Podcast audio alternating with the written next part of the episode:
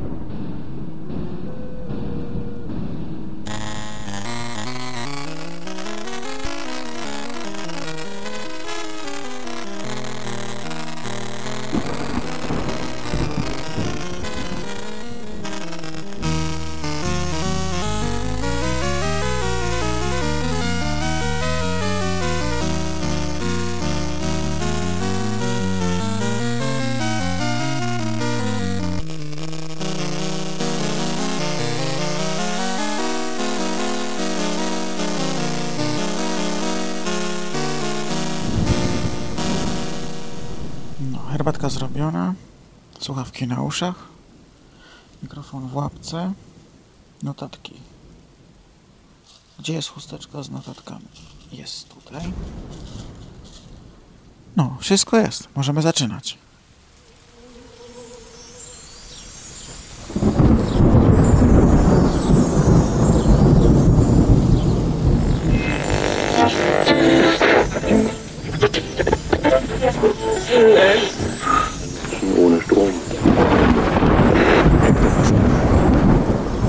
Kiedy pada.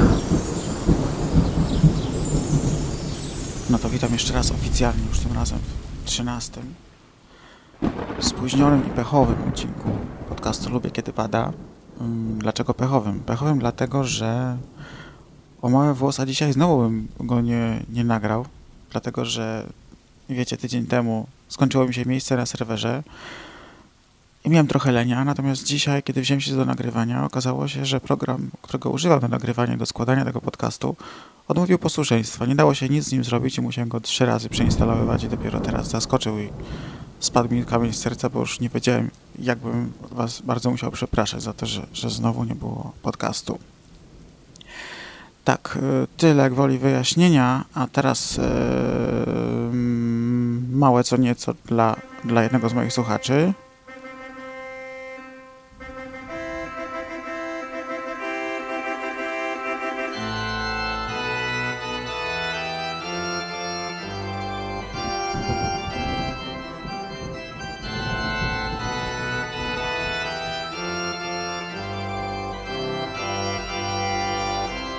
To był marsz Mendelssohna dla mm, Michała, znanego też jako Maksut, a właściwie to dla, dla państwa Maksutów. Nie wiem, jak szanowna małżonka Michała ma na imię. W każdym razie wszystkiego najlepszego na nowej drodze życia. I co wyście narobili? No co wyście narobili najlepszego? Kurczę, trzeba się było zastanowić albo coś, ja nie wiem. Ech, ta dzisiejsza młodzież. Przysięgę waszą przyjąłem. No dobra, starczy tego narzekania, może przejdźmy do rzeczy i wyjaśnijmy sobie, o czym jest dzisiejszy odcinek. Ci, którzy y, zaglądali w poszukiwaniu 13 odcinka tydzień temu na stronę podcastu, wiedzą, że jest tam z boku taka ankieta, która no, podpowiada, o czym dzisiejszy odcinek będzie traktował. I wzięło w niej udział całe 9 osób, z czego ten głos to jest mój.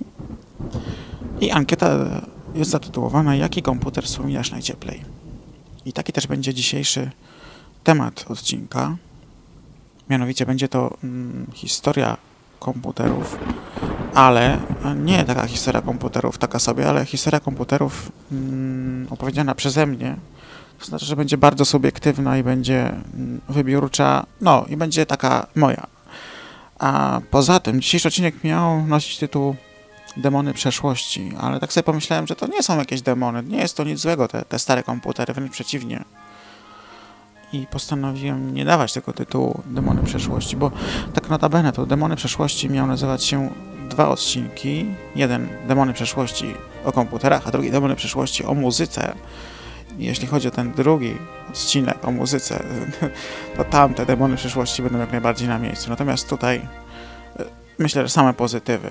Więc zapraszam do wysłuchania podcastu o historii komputerów, o historii komputerów według Tomawka. Zapraszam.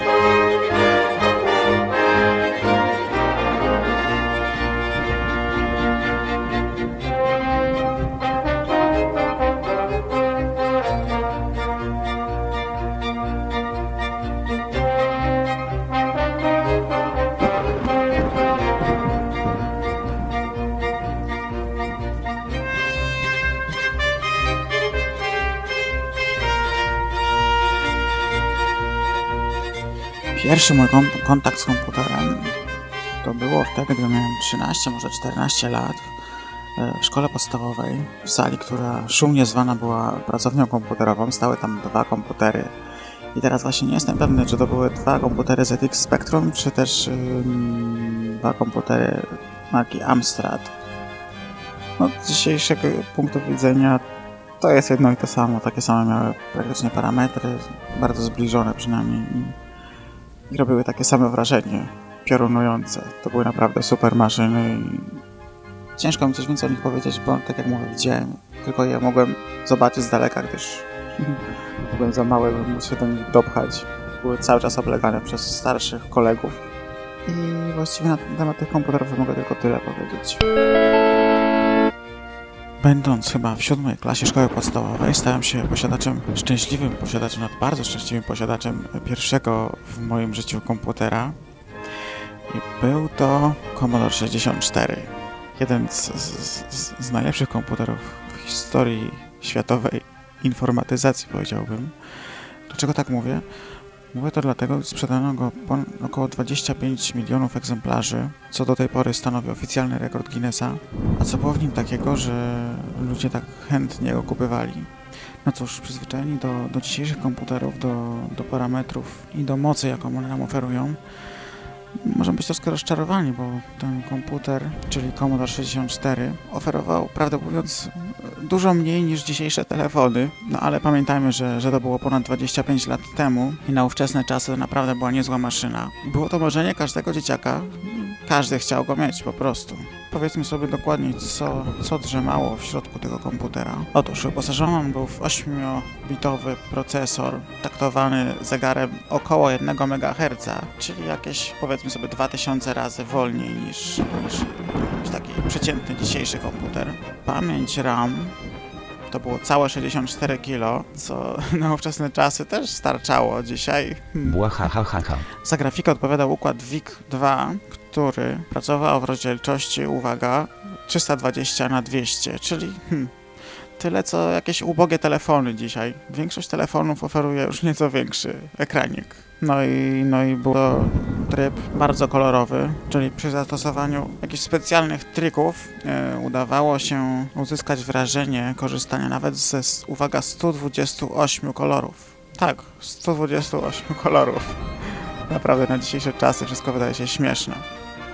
Za dźwięk odpowiadał legendarny układ SEED, który do dzisiaj jest, postrzegany jako jeden z, z głównych powodów, dla, dla, którego komputer ten był tak popularny, to dzisiaj tworzone są z jego pomocą dźwięki. Nawet wówczas y, zespoły takie jak Kombi używały Commodora i układu, budowanego w niego układu SEED do tworzenia swojej muzyki. Zresztą SEEDa mieliście okazję usłyszeć na początku podcastu, zarówno grającego muzykę, jak i gadającego. On gada! Jak ty, głupku? Gada, blata, pełny serwis! Are you keeping up with the Commodore? Cause the Commodore is keeping up with you. The world's number one selling home computer is now in a family pack, the Commodore 64, plus data cassette and joystick, four software programs including Introduction to Basic, a teach yourself program for the whole family. The Commodore 64 Family Pack, a value of $700 for just $499.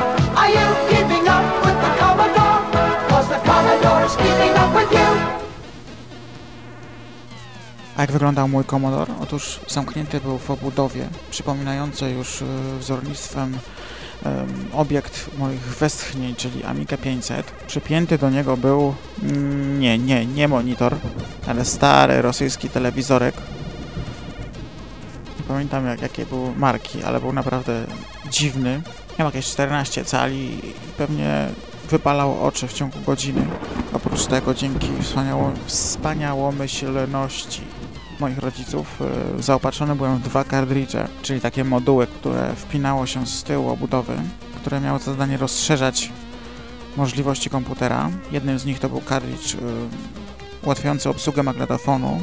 Były tam takie, takie cuda jak na przykład turbo do magnetofonu, które powodowało, że programy, czyli głównie gry, wczytywały się w ciągu minuty, dwóch, zamiast 15-20 a drugim kartridżem to był kartridż Black Box, wyposażony w, w ostatni krzyk techniki wówczas, czyli przycisk Freeze. Przycisk Freeze spowodował, że pamięć e, komputera została zamrażana i włączał się wówczas edytor, który pozwalał na, na grzebanie w tej pamięci, na zmienianie danych i dzięki temu mogliśmy zmienić sobie stan naszego portfela w jakiejś grze handlowej albo ilość dostępnych żyć w jakiejś strzelaninie. Zabawa z tym była przednia. Co więcej, a nieodzownym, nieodzownym gadżetem przy komodorze był śrubokręcik, malutki śrubokręcik, yy, przy pomocy którego ustawiało się zbieżność głowicy w magnetofonie. tak, tak. Praktycznie przed graniem każdej gry trzeba było leciutko dokręcić śrubkę w, w głowicy w magnetofonie, tak żeby yy, gra, czy też jakiś inny program udało się wgrać bez, bez problemu, bez błędu. A co można było robić na Commodore? No myślę, że, że głównie grać. Gry takie jak Trick Dangerous, Ghosts and Ghosts czy Cybernoid myślę, że znają wszyscy weterani informatyki. Co najważniejsze, gry te bardzo rozwijały wyobraźnię w przeciwieństwie do tego, co dzisiaj, dzisiaj oferują producenci gier, gdzie mamy grafikę praktycznie fotorealistyczną. Tam bohaterów w ogóle świat przedstawiało raptem parę pikseli, z których w głowie powstawał obraz naszego bohatera i to było naprawdę fajne, bo myślę, że rozwijało wyobraźnię prawie tak jak książki. Oprócz tego na Commodore można było robić jeszcze całe, za przeproszeniem, kupę innych rzeczy. Ja na przykład pamiętam do dzisiaj, jak e, za pomocą joysticka używałem pierwszego mojego w życiu programu graficznego, gdzie punkcik po, po punkciku za pomocą przycisku Fire stawiałem pikselki i naprawdę była to wielka frajda. Zajmowało mi to całe, całe godziny. Można też na Commodore było tworzyć muzykę w dosyć prosty sposób. Istniał też na Commodore syntezator mowy, który słyszeliście na początku. I pamiętajmy, że działo się to w czasach, kiedy słowo multimedia nie odmieniało się jeszcze przez wszystkie przypadki, że to było ponad 20 lat temu. Naprawdę, robi to wrażenie.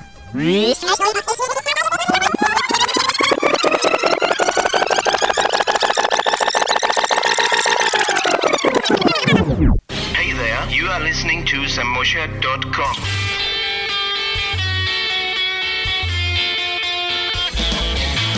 The first German podcast in Polish language.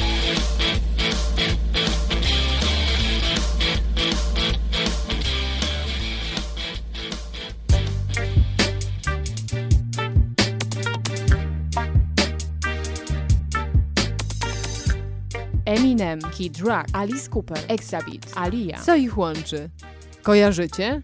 Oni są. From Detroit, y'all. Ci ludzie dorastali właśnie tutaj, w miejscu, z którego nadawany jest podcast Polski Detroit. Nasz adres to polskiedetroit.com. Zapraszamy do słuchania.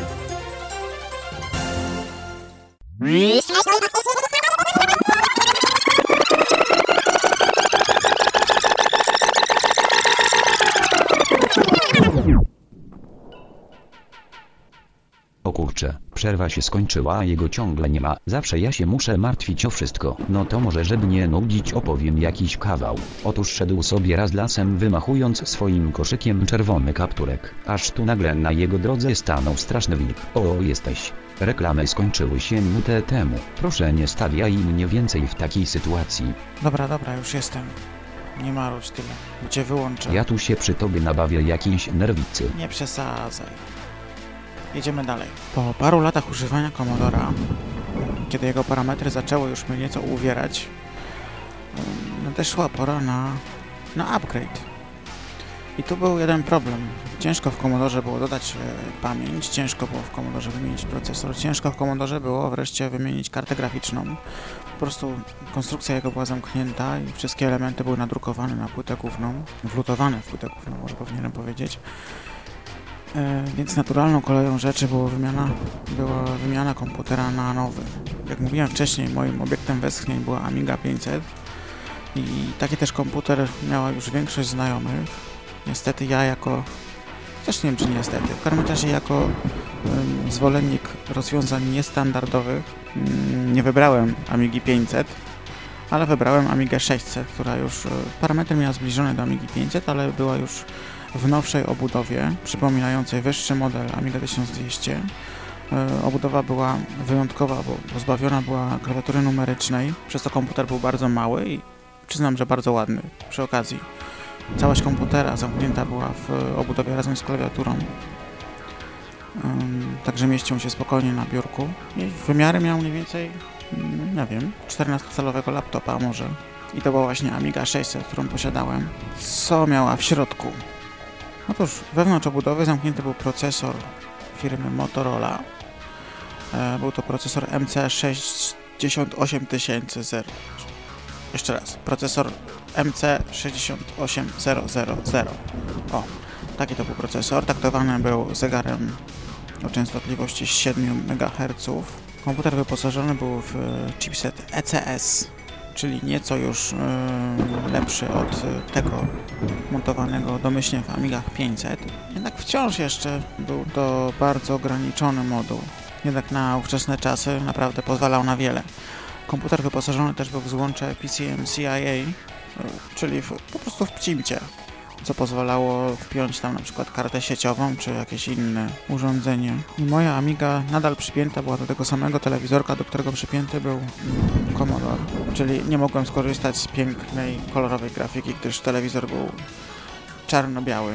Jednak na początku mi to wcale nie przeszkadzało i było z tym komputerem naprawdę bardzo dużo zabawy. Tym bardziej, że na Amigę powstawało bardzo dużo gier które już jakością dużo odbiegały od tego, co znane było mi z Commodore 64. Po kilku latach używania Amigi 600 nadeszła pora na zmianę komputera i znowu ciężko było zmienić coś w, Amidze 600, gdyż nadal był to, mm, była to konstrukcja zamknięta, jednak wyposażona była w złącze rozszerzenia, gdzie można było wpiąć na przykład nowy procesor, ale nie było to sensu, gdyż dużym ograniczeniem Amigi 600 był chipset graficzny ECS, który nie pozwalał na, na zbyt wiele. Następnym naturalnym krokiem była Amiga 1200, czyli mój trzeci komputer.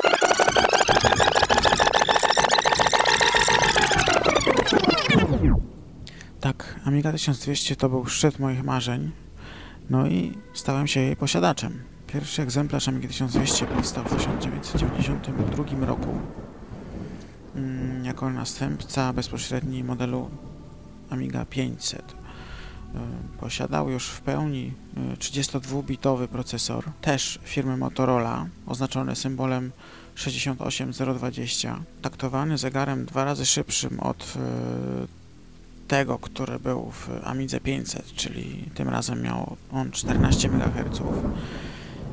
I co najważniejsze, mm, zmieniono układy graficzne na nowe, y, nazwane AGA. Zwiększono też ilość pamięci do 2 MB, podobnie jak w modelu Amiga 600. Ym, Amiga 1200 posiadała kontroler dysku twardego oraz pcimcie. Powiedzmy sobie szczerze, to jest pcimcie, a nie żadne PCMCIA, ale po prostu pcimcia. I tego się trzymajmy. No, co więcej, na początku moja Amiga wyglądała właśnie w ten sposób, że, że, że te parametry y, takie jak prosto z fabryki, ale wyposażona właśnie w, w pcimcie oraz wyposażona w specjalny port rozszerzeń pod klapką na dole obudowy, y, stwarzała zupełnie nowe możliwości. I tak y, po dosyć krótkim czasie używania stałem się szczęśliwym posiadaczem dysku twardego. Ja wiem, dzisiaj ciężko sobie wyobrazić komputer bez dysku twardego, no ale wówczas tak jakoś było, że, że komputery były tylko z dyskietkami i nikt nie myślał o dysku twardym nawet. No cóż, właśnie stałem się posiadaczem dysku twardego, stałem się posiadaczem CD-ROMu. Wszystko, wszystko wisiało na zewnątrz obudowy, na, na, na wystających z zewnątrz taśmach. Hmm. I, kiedy ktoś do mnie przyszedł, to, to był lekko zdziwiony, że, że komputer może wyglądać właśnie w ten sposób. Kolejnym krokiem była, była zmiana procesora, na wyższy oczywiście, na procesor 68040, który taktowany zegarem już 40 MHz dawał, dawał wyraźną różnicę w działaniu i, i, i wyposażony też był już w koprocesor wyposażony też był w, już w, w pamięć cache, także, także był to duży skok prędkości. Po jakimś czasie mm, na rynku akcesoriów do Amiga 1200 pokazały się procesory PowerPC znane już wówczas z Macintoshy. Jednak y, jako, że firma produkująca Amigę była na kraju bankructwa i wkrótce potem zbankrutowała, to te procesory nie stały się jednak standardowym wyposażeniem Amik, a, a mogły, a mogły. E, zajęły się tym firmy trzecie, które właśnie produkowały karty rozszerzeń z procesorami PowerPC, e, z kartami graficznymi do te procesory i, i z całym mnóstwem różnych innych akcesoriów, łącznie z mm, rozszerzeniami pamięci i, rzeczami, które w sumie wydawały się dziwne, że można w ogóle je było użyć przy Amidze, ale jednak, jednak takie rzeczy się zdarzały, jak na przykład złącza PCI montowane właśnie do portu rozszerzeń. Notabene produkowane przez krakowską firmę Elbox.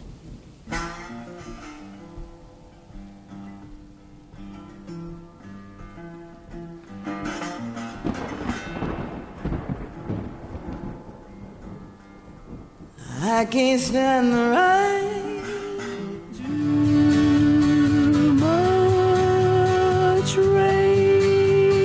come rain or come shine. Raindrops are falling on my head. Now I wish it would rain down. I have seen the rain. I'll do my crying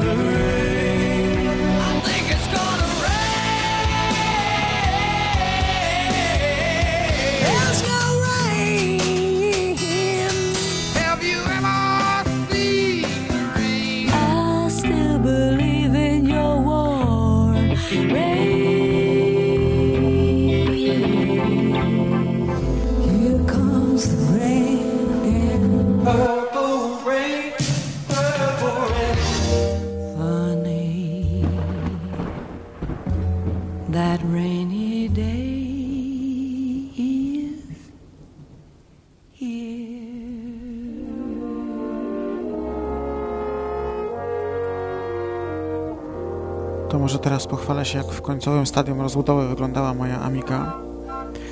Amiga 1200. No, przyznam, że nie przypominała tego, co, co wyszło z taśmy fabryki, ale przejdźmy do szczegółów. Otóż całość zamknięta była w obudowie o nazwie L-Box, która była po prostu przerobioną obudową od PC-ta. przerobioną przez firmę przez krakowską firmę Elbox. Obudowa była pomalowana ręcznie w takie biało-niebieskie chmurki i myślę, że wyglądała bardzo fajnie. Wewnątrz y, była oryginalna płyta główna Samigi 1200 i właściwie tylko to było Samigi 1200 wewnątrz. Cała reszta już była sprzętem, bądź to firm trzecich, bądź to już takim typowym sprzętem, który y, normalnie podpinamy do, do zwykłych PC-ów. I tak, w płytę górną wpięta była karta Blizzard PowerPC z dwoma procesorami, z jednym procesorem standardowym Motorola o symbolu 68060 taktowanym zegarem 50 MHz oraz drugim procesorem, który, który w Amidze był powiewem świeżości z procesorem PowerPC o symbolu E603 taktowanym zegarem 200 MHz co na ówczesne czasy Amigi no już, już robiło jakieś wrażenie. E, komputer wyposażony też był w kartę graficzną opartą o procesor Voodoo 2 a może to było Voodoo 1 nie, chyba jednak Voodoo 2, nie pamiętam teraz dokładnie, ale wydaje mi się, że to było Voodoo 2 na złączach PCI, które też były jakby niestandardowym rozszerzeniem Amigi, wykonanym zresztą przez, znowu przez firmę Elbox krakowską. Co jeszcze tam było? Była tam karta dźwiękowa Melody, wyposażona w sprzętowy odtwarzacz plików MP3, sprowadzana na zamówienie z Niemiec bodajże. Była swego czasu taka akcja, że ktoś tam na grupie dyskusyjnej poświęconej Amidze rzucił temat, że jedzie do Niemiec po karty dźwiękowe i kto chce, to się może zapisywać. No tak się złożyło, że chciałem. Byłem jednym chyba z pięciu czy sześciu posiadaczy w Polsce tej właśnie karty dźwiękowej. Co jeszcze? Poza tym miałem rozbudowany kontroler dysku twardego. Oczywiście dwa dyski twarde, oczywiście nagrywarkę CD. Komputer wyposażony też był w kartę sieciową, też zdobytą naprawdę takimi sposobami, że głowa mała. Musiałem po nią jeździć gdzieś do, do Krakowa po jakichś dziwnych firmach, które zajmowały się sprzedażą gadżetów do, do notebooków. Gdyż karta była właśnie na, na Pcimci. I jakie było zdziwienie ludzi, którzy przyszli do mnie montować internet, gdy zobaczyli, że pomimo, że obudowa wygląda z zewnątrz jak zwykły PC, w środku jest coś innego i nie bardzo wiedzieli, jak, jak do tego w ogóle się zabrać.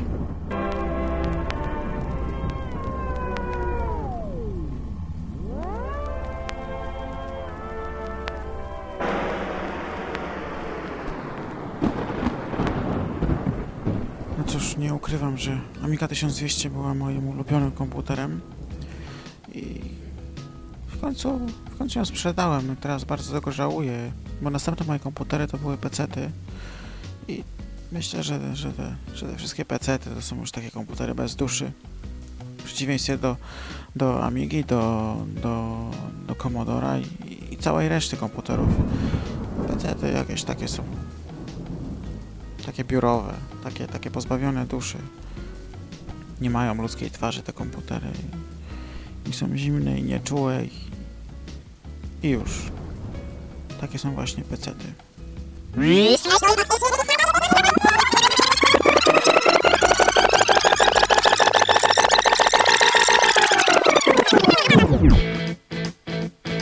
Tu Gosia z podcastu z Niemiec. Zapraszam Was do słuchania mojego ulubionego podcastu Nie tylko dla orłów.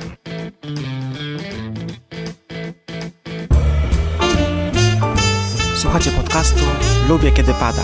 O Boże, skąd on się tu wziął? Taki piękny. Ja tu zawsze jestem.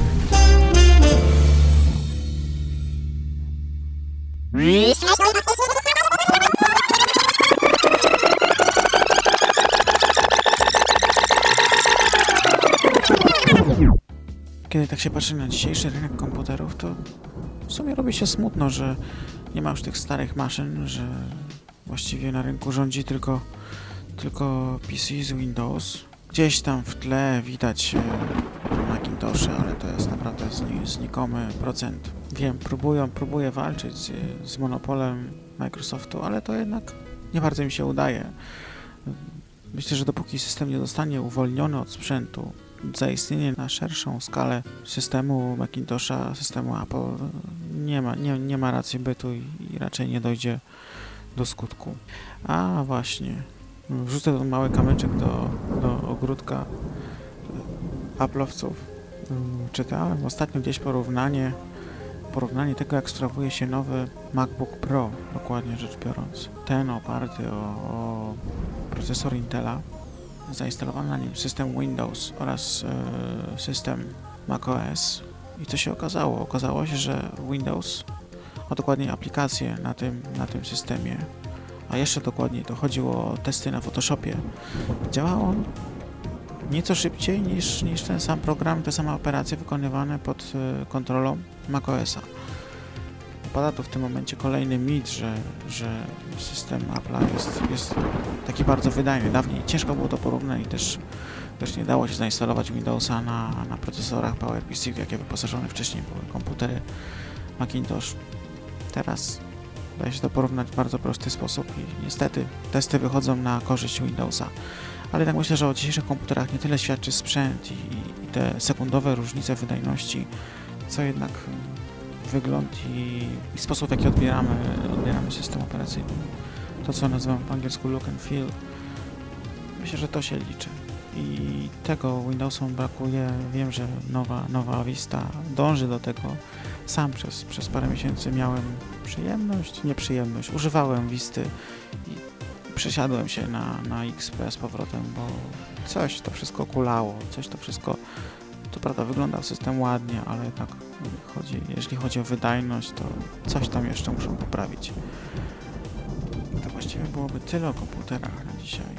Um, właściwie nie tyle o komputerach, to taki odcinek bardziej jest hołdem mojemu ulubionemu komputerowi, czyli jak mówiłem wcześniej Amidze troszkę to wszystko miało inaczej wyglądać, ale, ale jak wiecie, nagrywałem ten odcinek przez 3 tygodnie, walcząc ze sprzętem, walcząc z oprogramowaniem.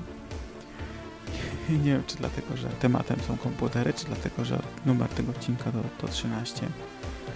Niemniej jednak y, trwało to troszkę i, i, i straciło świeżość, w moim mniemaniu przynajmniej. Mam nadzieję, że, że nie zanudziłem Was bardzo. Powstał taki odcinek bardziej dla, dla fanów komputerów niż dla normalnych ludzi. Ale myślę, że, że jednak podcastów słuchają głównie fani komputerów, więc nie jest to problem jakiś straszny. No. E, mam nadzieję, że następny odcinek powstanie już w, normalnym czasie. I co? Więc będziemy powoli kończyć. Przepraszam Was jeszcze raz za to trzytygodniowe opóźnienie. No i co? To by było właściwie tyle na dzisiaj. Mm, zapraszam do komentowania, do bluzków, czy co tam jeszcze innego macie mi do powiedzenia na temat tego, co dzisiaj udało mi się stworzyć. A, jeszcze jedna rzecz. Właśnie, e, już pewnie słyszeliście w, w pewnym irlandzkim podcaście, że niedługo pojawić ma się nowy podcast z Anglii. E, podcast autorstwa Maxuta, o którym wspominałem na początku tego odcinka. No właśnie, podcast będzie nazywał się Full Wypas i, i czekamy, co pokaże nam. Filip życzył, żeby odcinek był lepszy niż mój, ja mu tego nie życzę. tak jestem samolubny. Maksud, żeby twój odcinek przypadkiem nie był lepszy od mojego. Bo jak będzie, to, to się będziemy musieli spotkać i, i sobie to jakoś poważnie wyjaśnić.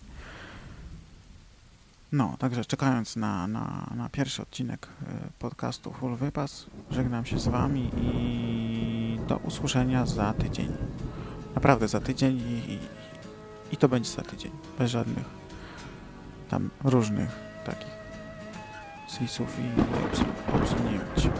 Dobra, tyle, bo się rozgadałem bez sensu. No to pa.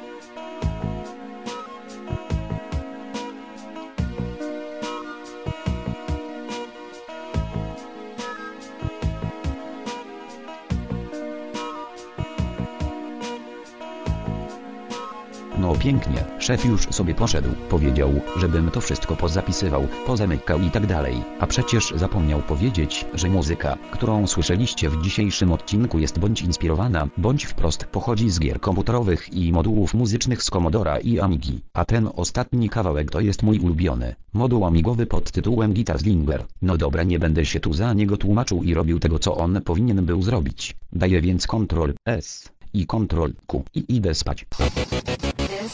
This just a test of the Liberated Syndication podcast system.